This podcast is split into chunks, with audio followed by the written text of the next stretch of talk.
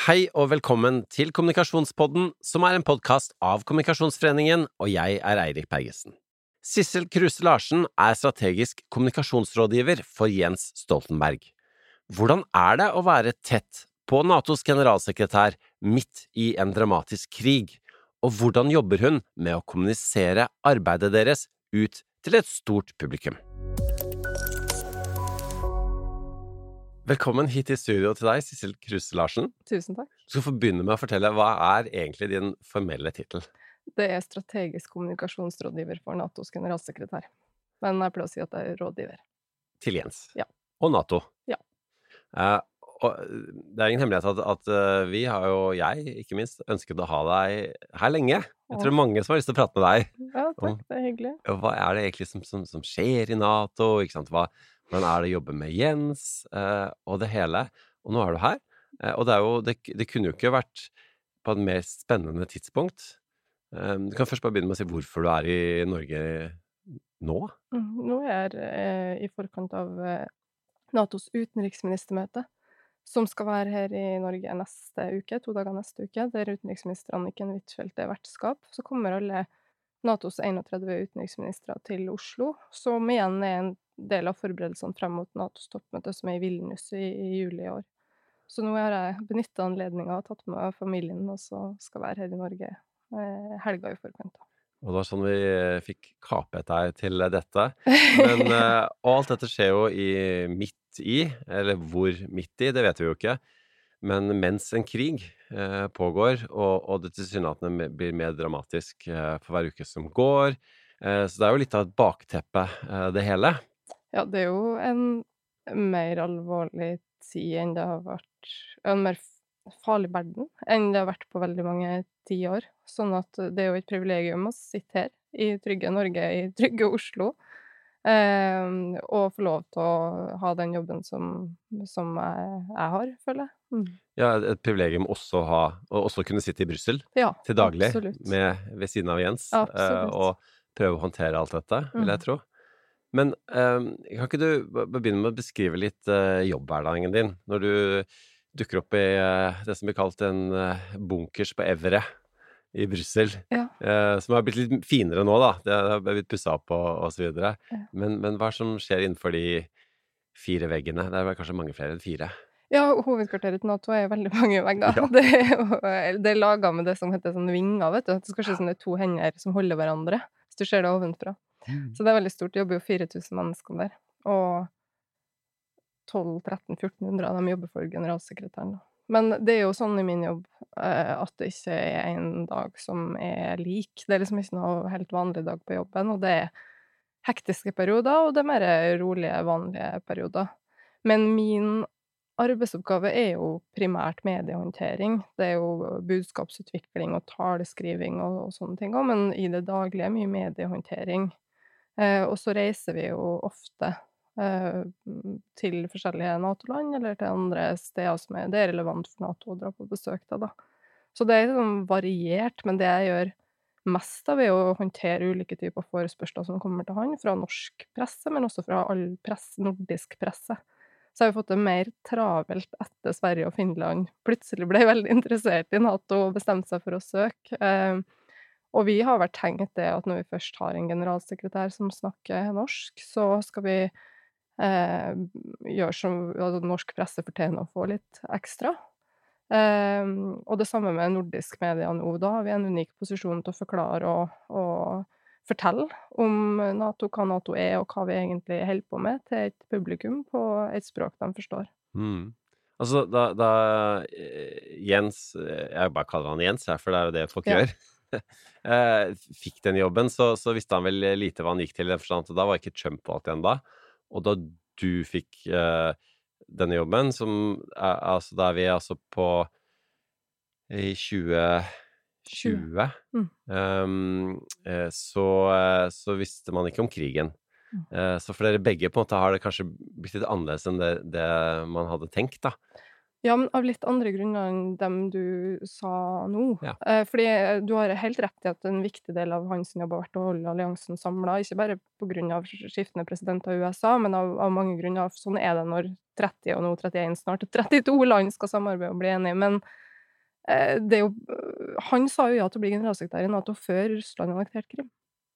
Så allerede da så hadde han jo begynte han jo en helt annen jobb enn han egentlig sa ja til.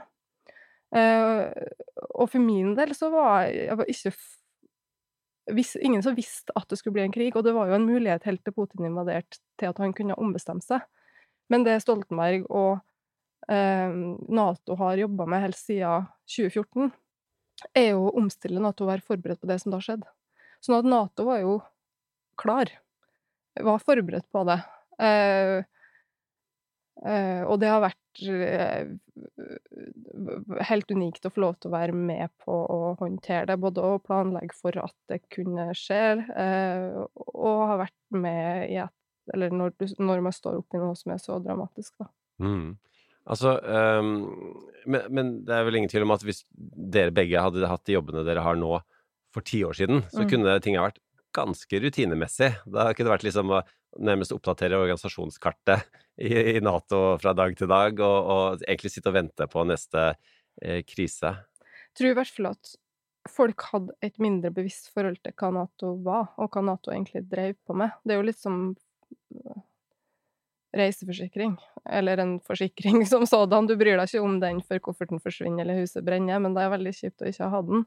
Og Nato har kanskje vært litt sånn når folk har tenkt og visst at det er bra, og det er nyttig, og det er fornuftig, og de gjør sikkert ansvarlige, bra ting, men kanskje ikke hadde et så bevisst forhold til det. Sånn at uh, jeg opplever jo at veldig mange flere har et forhold til Nato nå, er mer nysgjerrig på det og er opptatt av det. Så sånn sett har jo min jobb blitt, føler jeg, da, enda mer meningsfylt. Men jeg skulle jo selvfølgelig ønske at det ikke var et sånt bakteppe som det er nå. Mm. Eh, altså, det mest kanskje illustrerende eksempelet på akkurat det du sier nå, er jo Altså, eh, nå, denne uken, så kom det altså verdens største krigsskip til Norge, mm. eh, amerikanske Gerald Ford ankret her. Og det er jo Jeg skal ikke kalle det feststemning, for det vil jo være å på en måte, å, på en måte eh, karikere den situasjonen vi er i, som vi, som vi snakker om nå. Men, men, altså, det er vel lov å si at de ble tatt godt imot uh, av de aller, aller fleste i Norge. Um, og, og, det er ikke gitt heller. For noen år siden, jeg da jeg, da jeg var, i, var, i, UD, og det var, det var noen fra jeg skal ikke si hvilket land det var, men som, som kom til Norge for å på en måte eh, promotere ideen om at vi skulle mm, feire Nato, bare det å være medlem av Nato. Det var et annet sånn, eh, en eller annen årsmarkering. Så, så var vi veldig sånn på at nei, nei, det må vi spille ned, for folk i Norge har ikke lyst til å de, de syns det er greit å ha den forsikringen, som du kaller det, men de har ikke lyst til å eh, se det i det daglige. Eh, dette at vi, vi, deltar militært med å sikre eh, Europa og verden. Mm. Eh, og, og, det har jo endret seg. Og det, det, som, det er vanskelig å karakterisere det vi ser nå i disse dagene her i Norge, i Oslo, som noe annet enn nettopp en markering av eh, alliansen eh, og USAs støtte til Norge, og en slags sånn derre ja, et vink da, til eh, Russland. Og det er jo en demonstrasjon av at Europa ikke klarer seg alene. Og det tror jeg kanskje det siste året har illustrert veldig tydelig for veldig mange i Europa, og helt sikkert i Norge, da. At vi er helt avhengig av eh, amerikanerne, og helt avhengig av det samarbeidet som er institusjonalisert i Nato. Det er ikke nok å ha eh, sikkerhetsforsikringer fra noen andre enn amerikanerne. Det er dem som er store, og det er dem som drar lasset, og det er dem som er klare til å forsvare oss, på samme måte som det er det er jo en, helt åpenbart også nyttig for eh, USA å ha nå 30 allierte og venner i Nato. Eh, i en tid der det er større stormaktrivalisering, der, eh, der vil de jo da være i en helt unik posisjon som har det Nato-samarbeidet, amerikanerne også. Mm. Du som har et kommunikasjonsansvar, altså man sier jo at eh, ja, noe av den mest klassiske tesen innen kommunikasjon er at eh, ord sier mer eh, altså Bilder sier mer enn ord. Mm. Eh, og, og det, altså dette skipet mm. sin blotte tilstedeværelse i bybildet i Oslo mm. er, jo, er vel nettopp det. Hvor, hvor gjennomtenkt er dette? Nei, jeg har jo ikke noe med det å gjøre, så det kan jeg ikke si noe om. Eller vet jeg, det skipet er ikke du som har dirigert skipet? Nei, det er ikke det. det, er ikke det. Men eh, det, det, har vært veldig stas hvis det var en del av jobben, og veldig farlig, tror jeg. Eh, men jeg har vært på besøk på sånne skip flere ganger. Det er helt utrolig. Det er et lite samfunn til havs. Altså. Det, det bor jo flere mennesker om bord enn i mange norske kommuner, så kommer jeg forsvunnet nå etter en liten kommunesammenslåing. Eh, og det lander jo eh, og tar av fly opp på dekk. Altså, det er jo en, en, stor opplevelse å besøke sånn eh, skip og, og, se det. Men det er jo en demonstrasjon, altså, og det er trygt og fint for oss, tenker jeg, å se at her er storebror og, og passer på oss, altså.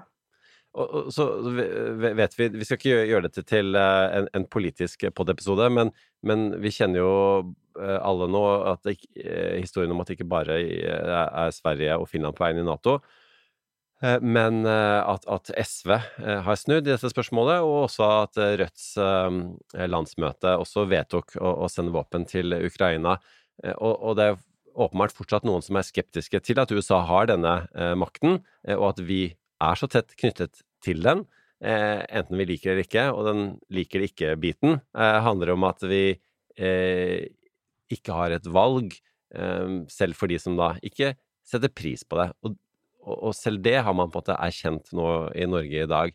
Det, det, men det har jo skjedd det har skjedd en utvikling nå på veldig kort tid eh, i Norge rundt, rundt, disse tingene, du som jobber opp mot den norske offentlighet?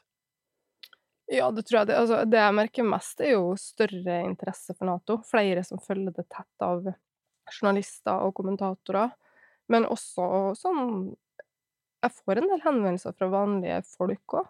Eh, så for vår del er jo selv om bakteppet er dystert, så er det utelukkende positivt. Og jeg tenker vi har et ansvar for å ja, forklare og formidle så godt vi klarer, da, på en måte som folk har forutsetninger for å forstå. Fordi Nato er en stor organisasjon, et stort byråkrati, det er masse prosesser, og det er, det er vanskelig å forstå hele maskineriet hvis du ikke er veldig dypt inn i det sjøl. Eh, men, men, eh, Og hvis ikke vi klarer å fortelle hva vi holder på med, sånn at folk forstår det, så er jo vi som har et, et problem.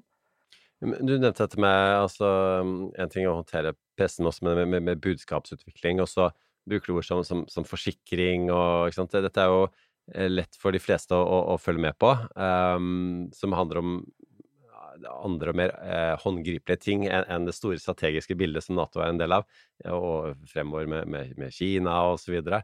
Men, men eh, hvilke andre sånn historiefortellinger er det dere jobber med for, for, å, for å, nå ut til folk, for å, for å sikre at, at uh, hele befolkningen uh, støtter dette? Altså, vi lager jo ikke Vi, vi lager jo ikke sånne altså Nå skal vi skrive fortellinger om Nato på en eller annen lur måte, sånn at alle blir fengsla av den. Det handler mer om å forklare kompliserte ting så enkelt som mulig. Eh, og min sjef, han har jo vært statsminister i ti år, han har vært politiker hele sitt liv. Eh, og er veldig god på det, er veldig flink til det, er opptatt av at vi skal snakke sånn at folk forstår. Eh, og så er utgangspunktet i Nato er jo en militær organisasjon og et stort byråkrati. Så jeg, da jeg begynte, syntes jeg var utrolig mye forkortelser jeg ikke forsto. Jeg fikk noen mailer som var for meg altså på ekte helt gresk. Det kunne like gjerne vært gresk, det som sto der. For det var så mye forkortelser av begreper og ting jeg ikke hadde noen forutsetninger for å forstå. Så det handler jo om å på en måte bryte det ned til noe som gir mening. Eh, og så handler det om å være Tror jeg, da, at strategisk kommunikasjon er jo egentlig ikke så mer, mye mer fiksfakseri enn å forklare virkeligheten som den er. Hva er utfordringene vi står overfor? Eh, og når folk har forstått det, presentere det som er løsninga på det. Og um, i enhver en arbeidsplass uh, så vil det være på en måte noen som er opptatt med å formidle uh, mm. det man gjør på jobben, og så er det noen som er opptatt av bare å gjøre jobben. Mm. Også de som er opptatt av å gjøre jobben, vil noen ganger si til de som er opptatt av å formidle sånn Hei, la oss være i fred, så vi kan få gjort jobben vår. Mm. Det dere holder på med, det bare forsinker oss. Mm. er det noen sånne krefter i Nato også? altså folk med masse striper og stjerner som, som som ikke vil snakke så mye med dere, eh, og kanskje ikke forstår så godt eh, at, eh, at, dere må formidle historien om dette til befolkningen rundt omkring i alle Nato-land? Jeg har lyst til å svare kort og si nei. Ja. Det er ikke sånn, fordi at den Nato har en person som representerer alliansen utad, og det er Jens Stoltenberg. Eh, og han er opptatt av at du ikke går til dem som jobber med presse og media og kommunikasjon etter du har fått en beslutning. Kommunikasjon er en viktig del av det å ta en beslutning. Hvordan vil folk forstå det her? Hvordan vil det bli oppfatta? Eh, som gjør at eh, vi som jobber med, med presse og media og kommunikasjon, vi er rundt bordet når beslutningene fattes, når jobben gjøres. Eh, og er med å vurdere hva man skal gjøre, og hvordan en skal gjøre det. Um, sånn at det er ikke noe motsetningsforhold der som jeg har i hvert fall uh, har opplevd. Og jeg tror det er mye uh, fordi at han har den filosofien han har, da.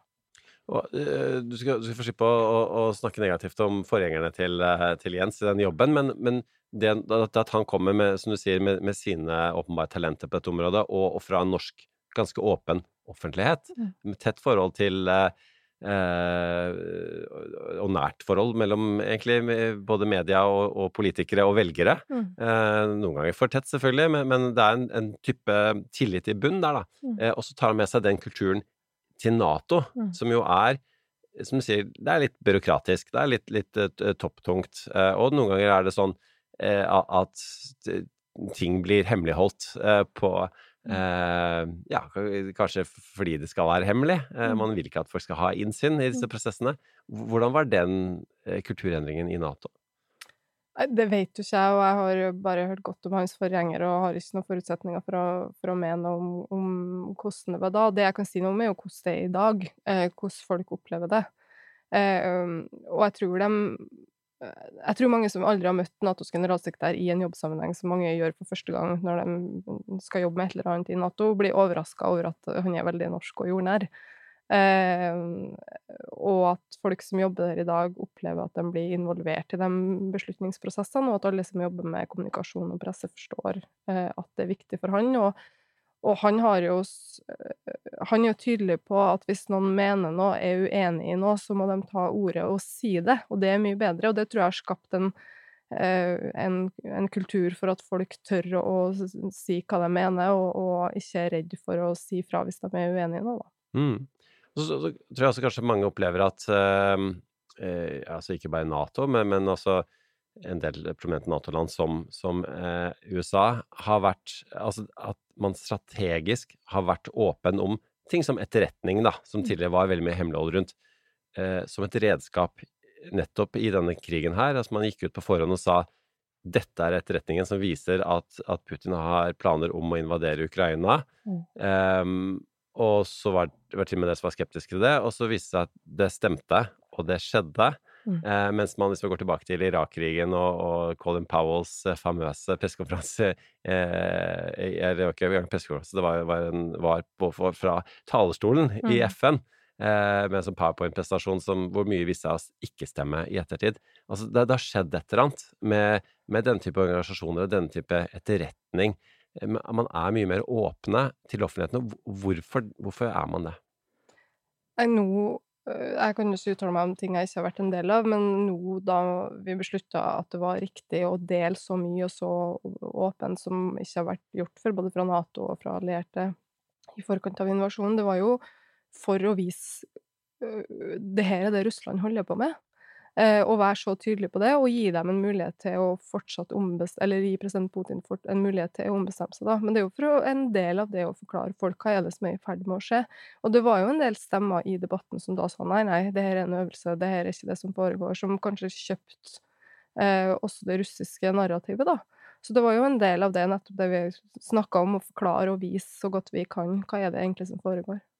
Og hvordan er det å jobbe opp mot det du kaller det russiske narrativet? Altså eh, deres måte å fremstille virkeligheten på, eh, som, som vi mener ikke bare er feil, men som er aktiv desinformasjon. Mm. Eh, hvordan er det, er det, du gjennom jobben din og dere i Nato på kommunikasjon møter eh, motstanderens retorikk?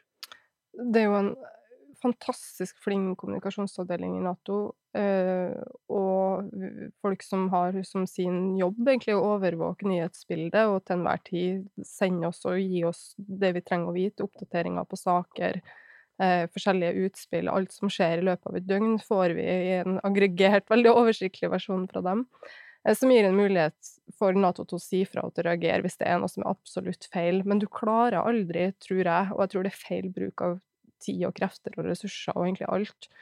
Hvis du tenker at du skal svare på hver, enhver kommentar eller gå til rette med ting som er helt feil.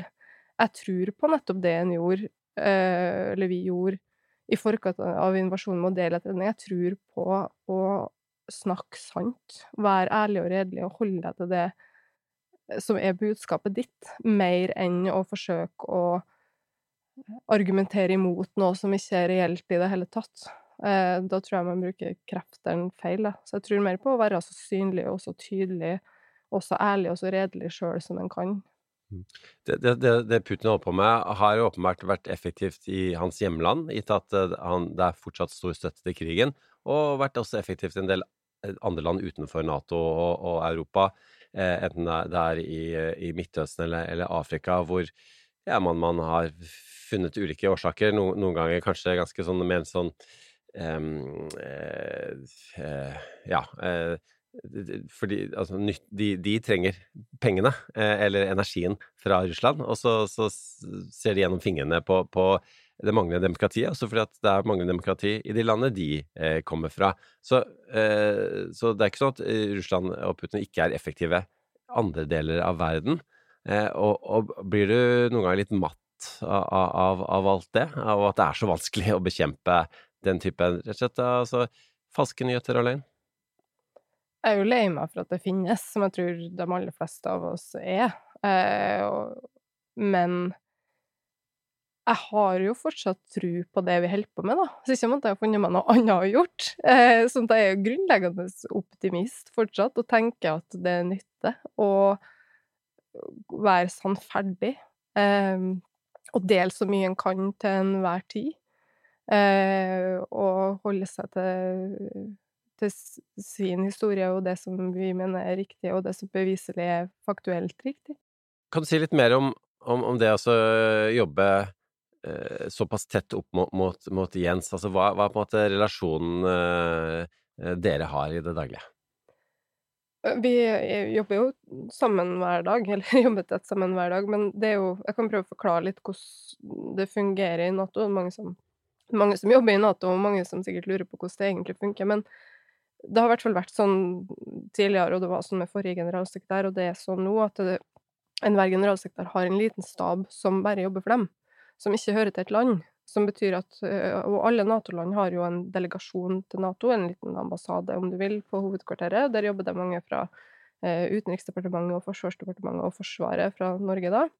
Sånn er det fra alle land. Men vi er fire nordmenn som jobber for Stoltenberg i Nato nå, og vi hører ikke til noe land. Så vi hører ikke til på den delegasjonen, vi jobber kun for han. Og det er litt fordi du eh, skal på en måte bare ha lojalitet til generalsekretæren, da. Eh, og de som heter Randi Næss, som er hans rådgiver, og så den som heter Gjermund Eide, som er militærassistent, og Stian Jensen, som er hans stabssjef, har vært med hele veien og uh, er den som i det daglige leder de 1300-1400 som jobber for generalsekretæren. Og så er det meg. Alle de andre sitter rett utafor kontoret til Stoltenberg. Jeg sitter i en helt annen del av bygget, um, og sammen med kommunikasjonsavdelinga i Nato. Så jeg er på en måte kommunikasjonsavdelinga sin person på hans kontor, og hans kontors person i kommunikasjonsavdelinga.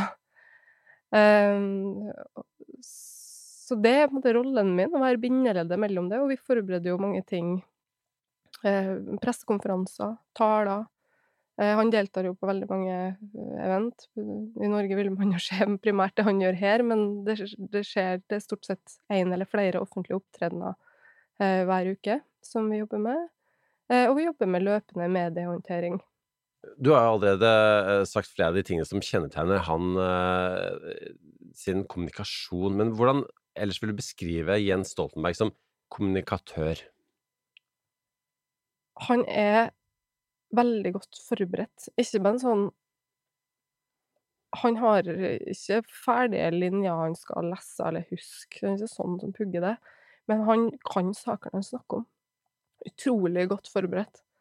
Som gjør at du, i hvert fall jeg har lært utrolig mye av å jobbe sammen med ham.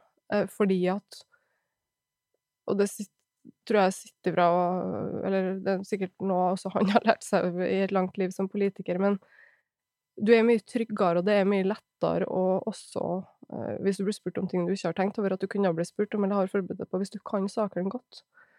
Eh, så det er kanskje det mest inspirerende, at han av og til tenker at du orker å lese deg opp på det og det og få be om tall på alt, og Men det er så nyttig. Um, Så sånn er han som kommunikator. Og han er veldig ærlig og redelig, og jeg syns han er flink til å bruke korte setninger når han holder taler eller har pressekonferanser. Eh, og snakke til et så bredt publikum som mulig, da. Eh, jeg prøver av og til Det har ikke noe med han å gjøre, men jeg prøver av og til å se på sport og syns det er litt artig, men så gir jeg opp etter så kort tid, for det, jeg syns ofte det er så innforstått. Du må liksom ha fulgt med, du må sjøl vite hvordan den og den utøveren har gjort det i lang tid, og du må ha fulgt med det laget i år tilbake for å forstå referansene de drar. Det gjelder ikke alle.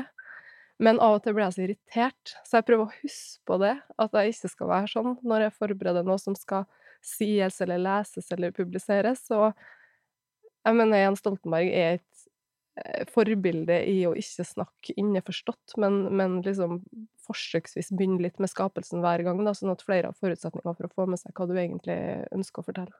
Det var et uh, spennende, spennende, bilde. Og hvordan er det når du han, han, når han snakker, så snakker han jo til så Altså, eh, ofte snakker man om, om ulike målgrupper og målgruppeorientering og bla, bla, bla, men han har jo så mange målgrupper. Det er alt fra si, firestjerners generaler til til en vanlig mann og kvinne i gata. Eh, så, så he, helt enkelt er det jo ikke å, å finne et budskap som, gjør, som, gir mening da, eh, for alle disse gruppene samtidig. Nei, men eh, du kan ikke Altså, det er ikke mulig å forvente at folk har vanlige folk, og heller ikke altså mine venner eller min familie, det er jo ingen av dem som er liksom dypt inn i eh, hva Nato egentlig holder på med, og og dypt inn i kriker og kroker i utenrikspolitikk i 31 land. Men det handler jo egentlig om det samme. Eh, og altså litt sånn stay on message, si det samme på en forståelig måte. Eh, og sjøl om folk er nerdete og kanskje lurer på helt spesifikke ting, eh, så er det ikke sånn at vanlige folk er dumme heller. Eh, så jeg tror det handler om å ha et så enkelt budskap som mulig, som det er mulig for Eller de aller fleste har forutsetninger for å få med seg det. Jeg liker også liksom personlig når han står der på, på talerstolen og snakker til ja, et, et, et, bredt internasjonalt publikum, internasjonal media, så har han liksom Han legger inn sånn herre Det er helt sikkert ikke bevisst, men sånn herre Snakker jo engelsk og sånn derre Men så har han noe sånn norsk sånn Altså, altså, altså det er fascinerende. Det, jeg, jeg, jeg, tror det funker for, for, å, for å, folkeliggjøre han, men det er, det er sikkert sånn det er ikke en slu plan vi har hatt Nei, ikke sant? Det, ikke sant? Det, du har sånn ikke skrevet inn i talepunktene? Nei, det, sånn tror jeg mange av oss som snakker. Jeg hører ofte når nordmenn snakker engelsk, og tyskere snakker engelsk. Jeg tror vi har det som et sånn pauseord som vi ikke greier å helt oversette, og så bare leve det med. Så faren min klager, klager, på at jeg gjør det samme når jeg snakker engelsk, så jeg lurer på om det er en sånn, bare noe som skjer. Kanskje dere forsterker hverandre? Ja, det kan hende. Um, vi, vi, må, vi, må, inn på denne krigen. Um, igjen, dette, dette, er en kommunikasjonsprat, ikke en politisk prat mm. i utgangspunktet, men, men, kan du si noe om måte, hva du ser for deg uh, utviklingen uh, vil være? Hvordan kan denne situasjonen best løses? Altså, krig er jo uforuts eller krig er uforutsigbart, punktum, så det er ingen som kan vite det. Det eneste som Eller det som er viktig nå for å kunne ha et reelt scenario hvor Ukraina fortsatt består som et selvstendig land, det er jo å støtte dem nå. Eh, å opprettholde støtten og styrke støtten og sørge for at de er i stand til å kjempe imot. Så det er det, det viktigste nå, og det som er hovedfokuset nå. Og så kan man jo samtidig diskutere hva deres rolle skal være, og deres plass skal være fremover. Men hele forutsetninga for at de skal ha en rolle og en plass fremover, er jo at de eksisterer, og da må vi støtte dem. Um, altså, det, det som kanskje Eller åpenbart Putin ikke hadde eh, tenkt eh, nøye gjennom, var jo det som har blitt en av konsekvensene av krigen, nemlig at eh, støtten rundt Nato har blitt større. Støtten eh, omkring demokrati eh, har blitt større. Um, og, og, og, det er jo noe av det positive oppi det hele. Hva, hva, hva tenker du om om hvis man nå får um, en, en, løsning på denne krigen som, som er til å leve med. Eh, hvordan, hvordan, tenker du fremover? Eh, altså, hvordan kan man, verdenssamfunnet bygge videre på, på det som da tross alt er en, eh, en, ja, potensielt da, en idé om at vi, vi, vi står bedre rusta ved å samarbeide i verden enn å stå alene? Det er jo å fortsette å investere i det samarbeidet, da. Eh, og holde sammen Nord-Amerika og Europa i Nato. Det er jo ikke sånn at eh, når og hvis denne krigen slutter, så er det slutt på utfordringa. Denne krigen illustrerer jo egentlig bare at vi er inne i en ny tid med økende stormaktsrivalisering. Og hvis vi skal være forberedt på andre typer eh, trusler og utfordringer fremover, så tror jeg det er viktigere enn noen gang å fortsette å investere i det, i det samarbeidet, sånn at vi er flere som står sammen. Hvordan vil du beskrive det å jobbe opp mot norsk presse versus internasjonal presse? Hva er forskjellen der?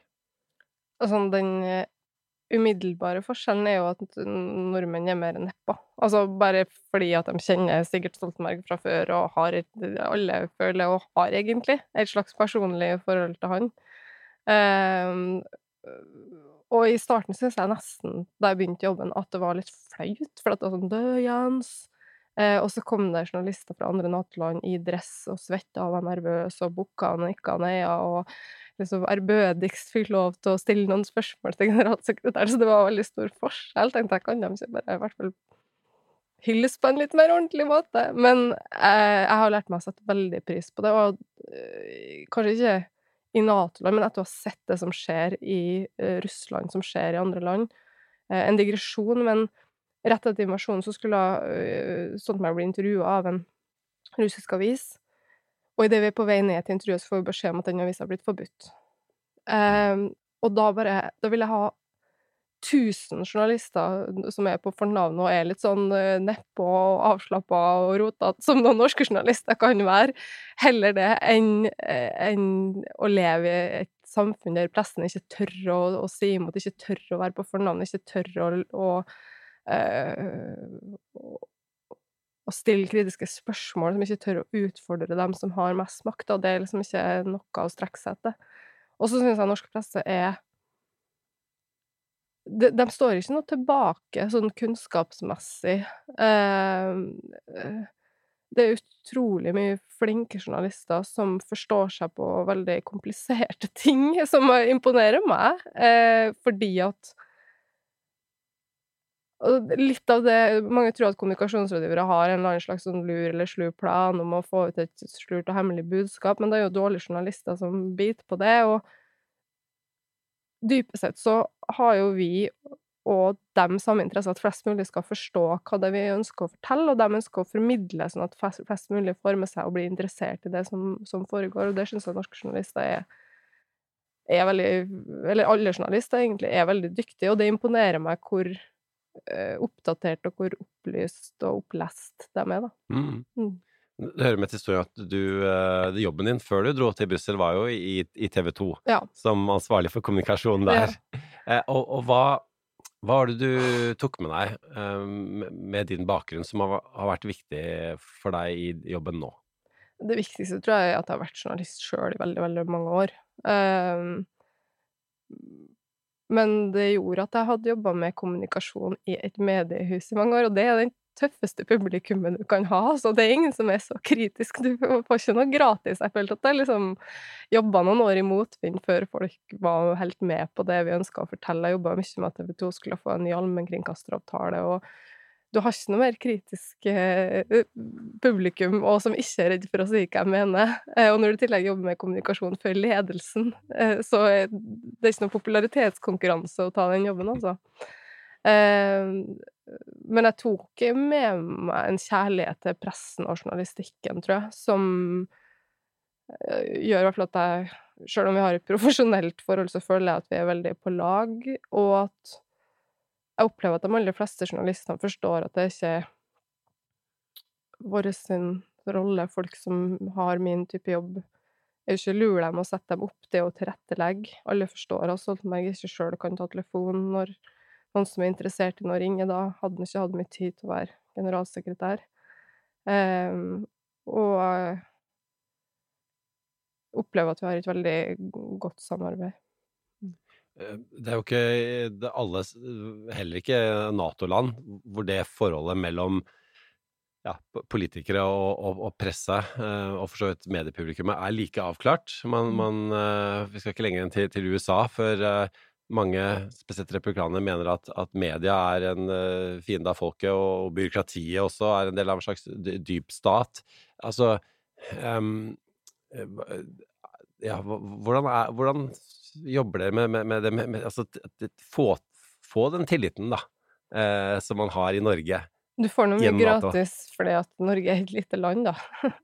Som der alle eh, Vi kjenner jo hverandre, eller ja, har møttes på en eller annen Det er jo utrolig eh, Altså, det tror jeg man får nesten gratis. Men jeg tror det handler om det samme, da. Å være ærlig og redelig og ikke ha noe skjult agenda. Og jeg kan diskutere med journalister, og de kan være irritert på meg, og jeg kan være irritert på dem, men vi skværer opp og går videre. Og jeg opplever at vi har et veldig nært tillitsforhold, og ja, at vi kan stole på hverandre. Jeg gir ofte informasjon til dem som dekker Nato og følger Stoltenberg om hva han skal fremover. Det er mange grunner til at det ikke kan deles offentlig, um, primært av hensyn til hans sikkerhet. Eh, Men også fordi at planer kan endres uten at det er noe politisk eller noe, noe grunn til det. Det er jo en, en veldig hektisk kalender som, som er i en slags evig flyt. Og da det å kunne ha det tillitsforholdet at uh, de får den informasjonen, gir dem en mulighet til å uh, planlegge og dekke ting som det er viktig for dem å dekke, men det gir òg meg Og det har jeg aldri opplevd at det har vært noe problematisk, og det tror jeg er ganske uh, unikt. Du sier at denne kalenderen er i, evig flyt. Mm. En del av eh, jobben for en person som deg vil jo være å prøve å styre den kalenderen. Mm. eh, Og prøve å, å legge til rette og forberede osv. Mm. Hvor, hvor vanskelig er det? Nei, den er jo Altså, det er jo feil å si Alt er jo ikke i en evig flyt hele tida, men det kan jo dukke opp ting Mm. som gjør at hvis vi skulle ha møtt noen fra et land, eller reist til et sted, så trenger det ikke være noe mer dramatisk som har skjedd, enn at det også skjedde noe annet da, som gjorde at vi måtte avlyse det. Det trenger ikke være en politisk grunn til at vi ikke Det er sjelden noe spennende grunn til at vi eh, avlyser eller endrer planer, det er mer et logistisk spørsmål. Men hvis jeg måtte ha vært eh, redd for det, så kunne jeg aldri ha delt det med eh, journalistene på forhånd heller, og da ville de hatt en, en dårligere mulighet til å planlegge og bli med og følge oss så tett som, som noen av dem gjør, da. Så det tror jeg er et ganske unikt tillitsforhold som jeg er veldig glad for at vi har og setter veldig pris på. Jeg opplever at de gjør det samme tilbake, da. Eh, og at